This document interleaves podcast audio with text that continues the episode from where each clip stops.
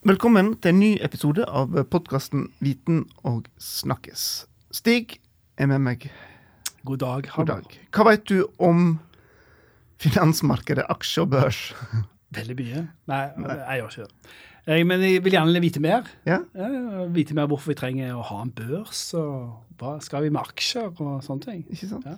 Altså, det, det begynte med at vi, vi satt, satt, vel til lunsj en dag og bladde i avisene og leste at, at Oslo Børs kunne bli kjøpt opp av Ja, selve børsen. Av børsen. Det, Vår der, børs. Hæ? Ja, er det mulig? Ja. Så det var vi overraska over at det var mulig, faktisk. Ja. Vi trodde det var som Norges Bank-aktig. Ikke sant?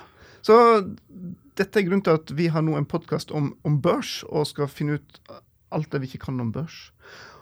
Og da skal vi først nå bytte språk.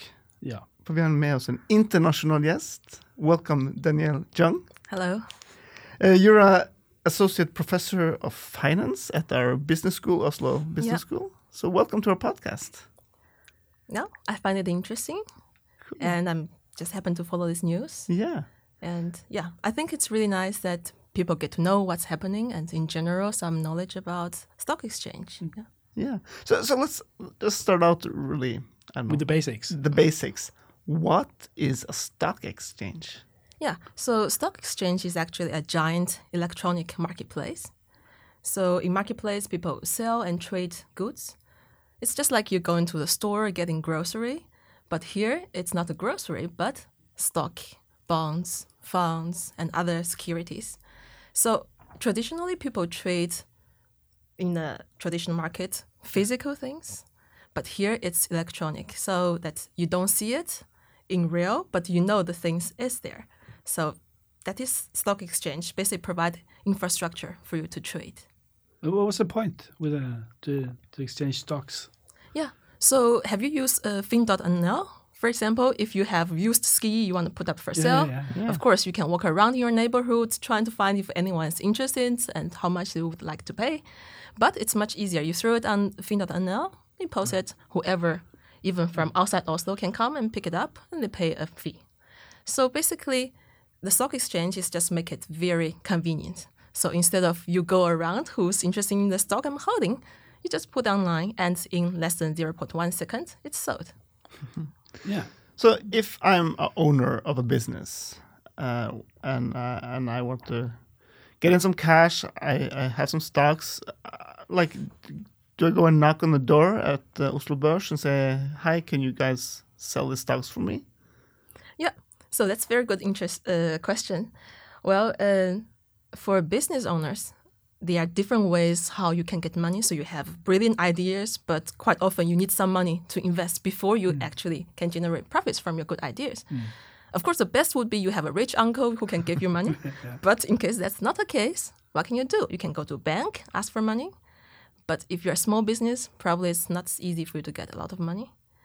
And the stock market is one of the alternatives that investors would like to invest in your brilliant ideas like give you money upfront, and then in in turn get some shares of your company. And if the company is going well in the future, their shares will worth more. Otherwise, the shares uh, goes down, then they lose money. So for business owners, they can put their shares be listed in stock exchange.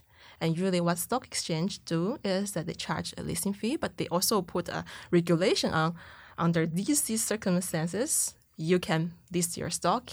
Yeah. So what's good for society with the stock exchange? Yeah, it's good so for business owners to raise capital, but how do we need as a society to? Yeah, so that's a very good question.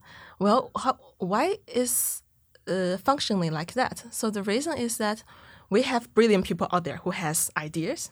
We also have some people who either don't have idea or they don't have time to invest in it, but they have money. So basically, we need something in the middle the financial intermediaries to bring these two together. So without efficient uh, stock exchange, these two parts they are just randomly walk around. Maybe they meet each other the other day, so I can give you money and then you invest or you implement these ideas. But with the financial markets being efficient, then this is going on all the time. Then you know if there's brilliant ideas out there, immediately it can be put in practice, and then you can start a business, generate profits for the whole society and then in return give us better uh, products or give us a better service, or that in general the employment also goes up, people can consume more. So it's better for the society as a whole, economically. That sounds like a well. good idea. Yeah, it does. I want to get a little bit back to uh, the stock exchange, Oslo Børs. It's a building done by the harbor. I've never, Historical site. it is. I've never been in there, but uh, like, who works there? Uh, how does it? You said it was a di- digital marketplace. Yeah. Do so you need anybody to? there are people there working there. So if I look at their um, current structure, so actually Oslo Børs now, uh, for the full name, it's called Oslo Børs VPS Holding ASA. So it actually has three subsidiaries. So VPS, uh, Verdipapirsentralen, and Oslo Market Solution and Oslo Børs. So Oslo Børs is what we traditionally think that's a stock exchange that happened. Traditionally, we need the place because we still need people to really do the exchange. But now everything's online. Verdipapirsentralen is actually they provide this infrastructure on the data and uh, to register everything. And um, Oslo Børs also owns, for example, Fish Pool, which is the exchange for the seafoods, uh, salmon, for example, that's in Bergen. Not the stocks, but the real fish. Well, not actually. It's a good question. So it's not real fish. We don't bring fish there because the otherwise go to the fish marketplace, market. But this is an in contracts related to fish or seafood, kind of forward contract and all. Yeah, So, contracts. yeah. Okay, you're right. So and and and when Stig and I started talking about this, it was they were talking about buying Oslo Børs. Børs. So the thing is, okay, who owns it today? I th- I thought it was like the Norwegian government or something who owned uh, Oslo Børs. Yeah, so um, I would also say that my initial guess would be that the government has large ownership. But I checked online um, from the report I see from Monday, so the 4th of February, the largest owner is DNB, who owns close to 20%. And then it's KLP, so Kommunal uh, Landspensjonskasse. Mm, It, they own 10%.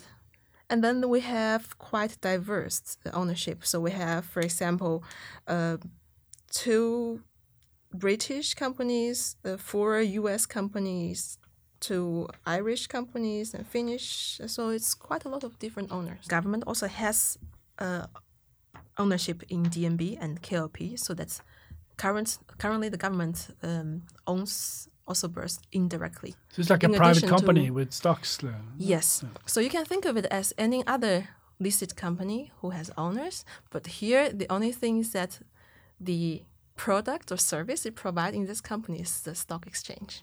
Right. Many, yeah. So that means that Oslo Børs also has to make money Sure. and uh, make a profit for their owners. Yeah. So what uh, essentially they are making money of is that, for example, when business owners go into them say, "Can you put my stocks for sale?" So this is what we call listing. So they charge a fee for the listing, and then for anyone who use their system to trade. So as investors, you pay a transaction fee, a small amount, but still, if we have so many shares add up together, it's still a significant amount of fee on trading. And on top of that, the data they can sell the data or in general data service provided. That's also fee and this trading software especially for some institutional uh, owners that they need to access information really fast. So that's also the fee they can charge. Right.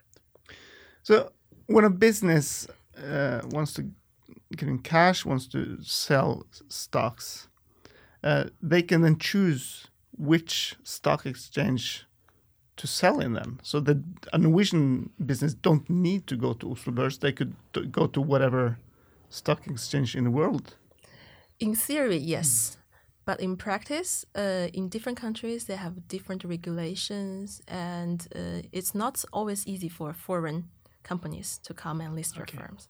So there are some uh, exchanges for example us hong kong they are known for have foreign listing but they also have a different requirement. For small or medium small size companies it's really not easy. For larger firms it's yeah. We have Oslo Børs, and then I've heard about um, Nasdaq and Dow Jones. Is that also s- stock exchanges, but in the U.S. Nasdaq is hmm. stock exchange. Dow Jones is the index. So, for example, in US, the largest two are NYSE, so New York Stock Exchange, and Nasdaq. So that's And- two different different stock exchange Yes. institutions. Yeah. Okay. So then we heard that Nasdaq was wanting to buy Oslo Børs. Why do anyone why do anyone want to buy Oslo Børs? What makes Oslo Børs attractive for foreigners? Yeah. No, first of all, so it's a very good question. And first of all, we need to say that um, it's not unique. This happens. Actually, in the last 20 years, there is a trend for stock exchange to go out, merger, or take over other stock exchanges. It used to be stock exchange is more like monopoly. They can easily make profits, and usually it's government re- regulated. But recently, it, have, it has been more and more competitive. So we see actually a lot of mergers going on. For example, um, in 2000, Euronext merged with uh, Paris Stock Exchange, Amsterdam Stock Exchange, and Brussels Stock Exchange. And then in 2002, again, Euronext merged uh, or take over, um, took over uh, Portuguese Stock Exchange. And OMX uh, took over Helsinki's Stock Exchange, and then later uh, Copenhagen Stock Exchange in 2004. So this is a trend, bigger global uh, stock exchanges. uh, Yes. uh, and uh, even some one of those oh the two of the largest stock exchange uh, new york stock uh, exchange uh, and nasdaq were considering merging but it was declined so a few years ago But but but then again, what makes Oslo Stock Exchange interesting here? Isn't that a really small stock exchange compared to the we have those- the oil. Yeah, the, is it the oil or the salmon? no so uh, in general given this trend of a merger of a stock exchange a lot of larger stock exchange they are looking for the potential target and oslo is attractive for many reasons potentially i could think of for example oslo stock exchange is the only independent stock exchange so far uh, in nordic countries because the rest are already taken over Yeah. and it gives you potential exposed to oil as you said and fishery which is also really unique compared to the rest of the Nordic country. And I think Oslo ex- Stock Exchange is uh, organized relatively efficiently and is profitable. So I can imagine it's very attractive for any potential buyers. So what will the consequences be uh, with uh, this takeover? Yeah, so this is very difficult to say. Um, I can say a few things from what I know from research, but I have to say that in research we mainly talk about different M and A's or different companies. But stock exchange is not any company; mm. it's very special.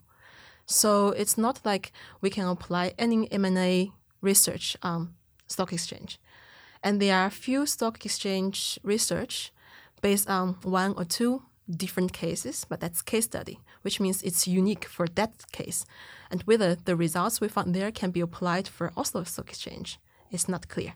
So we can't conclude from research, but what we know is that for any finance research, we care about two things for stock exchange. One is liquidity. The other is price discovery. So what is liquidity? Why do we care about it? So basically means that if you are a shareholder, you have a stock, for whatever reason, I want exchange it for money. We know that it should be equivalent to certain amount of money. But whether I can get it now in one second or I have to wait for a few days to get it, that says how liquid the market is. If the market is efficient, it's liquid, I should be able to exchange my stock at any moment. But if it's not liquid, then I have to wait. What that means is that then for me as a shareholder, I would not like to hold stock because I'm thinking whether I can immediately change to money when I need it or not. And for the business owners, that's bad news because when they put the shares up for sale to finance, they are thinking, of course, the better that the higher the price they were charged, the more finance they will get for the same amount of share. But if shareholder now is worried about that their stock is not liquid, they can't change money immediately, they would not like to pay. For example, before they would pay 80 kroner on one share. Now they say, uh, I don't know whether I can get money immediately. I only want to pay 60. Which means for some business owners, you could initially raise 80 million from the stock market. Now you can only raise 60. So you have 20 million loss. So Then- speed is important. Yeah. So basically, how fast you can Fast, yeah. change and can trade. That's one thing. Another thing is price discovery. As I mentioned before, the stock is not like anything in the grocery. You have a clear price tag. So we have to actually find what is the fundamental price. Even though, of course, business owner yourself, you think that my stock worth this much, but whether you really know it, whether it is true value, it still needs to be verified. So the price discovery process help you to find the price, the fair price, which is closest to the fundamental price possible. And if this process of price discovery is not efficient, it can be that you see the price is deviated so much from fundamental. Again, this is costly for the business owners because, for example, they could initially raise 100 million and now they can only raise 50 million just because in the market, the price discovery only discover 50% of the value instead of 100 yeah. So that's why we care about these two things. And in research, there are research showing that the merger of the takeover, or uh, sorry, the merger of the exchange, can use to increase in liquidity, which is good news. But it comes with mixed evidence. It's not always holding, depending on the stock exchange, and depends on if you are a large uh, business or small or medium business. Because for a large business, it seems like the liquidity goes up, but it does not hold for a small and medium sized business. So that can be problematic for small business owners that who anyway already have limited access to the finance. And in terms of price discovery, again, it's mixed evidence. So there are uh, research showing that it seems like the market is becoming more efficient, but for example, the, the research is using uh, the, the merger from Euronext taking over um, Portuguese stock exchange. And then they say that stock uh, Portuguese stock exchange was less efficient before, then it's not so surprising that actually the efficiency increases. But suppose our Oslo Stock Exchange is already quite efficient. Yeah. Whether this would hold or whether it actually it would decrease or increase, it's not so clear. And on top of that, there's one concern about the merger of stock exchange. That's what we call diversification. So put it simple is that you don't want to put eggs in one basket. If you drop the basket, all the eggs drop, right? Usually you want to put eggs in different baskets. Right. But what the research finds in terms of uh, diversification is that once the two stock exchange merges, in the long run, that there's the trend that goes like what we call co-movement. It means that the trend becomes similar. You can imagine that then there become a thread linking towards your two basket. If one drop, the other is also like to drop. This is not something you would like to have. Suppose that something happened in a foreign exchange which has nothing to do with anything of your fundamental value of your business. But now because there's something happened in a foreign exchange and mm. then you have the name of the exchange in your stock exchange. Suddenly I'm also I could suffer because of that. That's not what you want. And also for investors, that's bad news because you want to diversify and now suddenly have less choice of diversification. So I say that in research we have mixed evidence. So there are pros and cons, but we have to treat it with caution and think carefully what exactly this means for our stock exchange. Hmm. So you'll be pretty interested in seeing what this ends up with, and then will you be researching the results of a possible Oslo Børs selling? I will carefully um, follow this news, um, but I'm not sure if I can do any research on it. Again, so for research, we usually rely on large sample, and right now we only have very few cases, and each case has their uniqueness, so it's very difficult to put any general conclusion on these type of. So here we need more yeah. research. Yeah. I thought just to end this up uh, is is looking a little bit forward. Do you think uh, like the the stock exchanges we we have as we see them today will will continue? Uh, because again, I have no idea here, but we you read about like Kickstarter uh, systems, micro uh, loans. You read about algorithms taking over everything and uh, and uh, machine learning. There's a lot of things happening uh, here now. Do you think this will like be broken up into small bits and pieces and people doing more of themselves out on the internet somewhere? No, I think uh, it's uh, the other way around. So that uh, because of technology, we have more resources, so more different ways of getting finance. So like Kickstarter, for example, it's a very good idea for really small business who has a really nice ideas to get money to get started. But uh, at a larger level, so we still need stock exchange. But of course, you can argue in the future whether stock exchange is going to be in a current form or in a different form. For example, there are even kind of uh, uh, Bitcoin type of Yeah, Bitcoin, stock yeah, I think so, yeah. exchange, right? So that can happen. Yeah. Okay. Exciting times. It is. So, Daniel, uh, who, who decides then in the end here if Oslo Børs can be sold and uh, a potential merger? Whose decision is this? Yeah, so ultimately it's going to be the Ministry of Finance who decide. But of course, uh, in theory, now the potential buyers can try to buy shares from the shareholders. So shareholder has say in it whether they want to sell. But of course, if you ask shareholders, for sure they would like to sell the shares because it's very attractive. They immediately get a good profit. So therefore, I would say that the government needs to be very careful, thinking ahead and thinking about, you know, how or who will be ultimately be responsible for any consequences or all the decisions made in stock exchange, and what will be the structure of the new exchange, and uh, if the holding companies is going to have a foreign owners, and which jurisdiction will the company follow and um, if all the revenues will goes to the other company or how these regulatory issues and legal issues can be decided.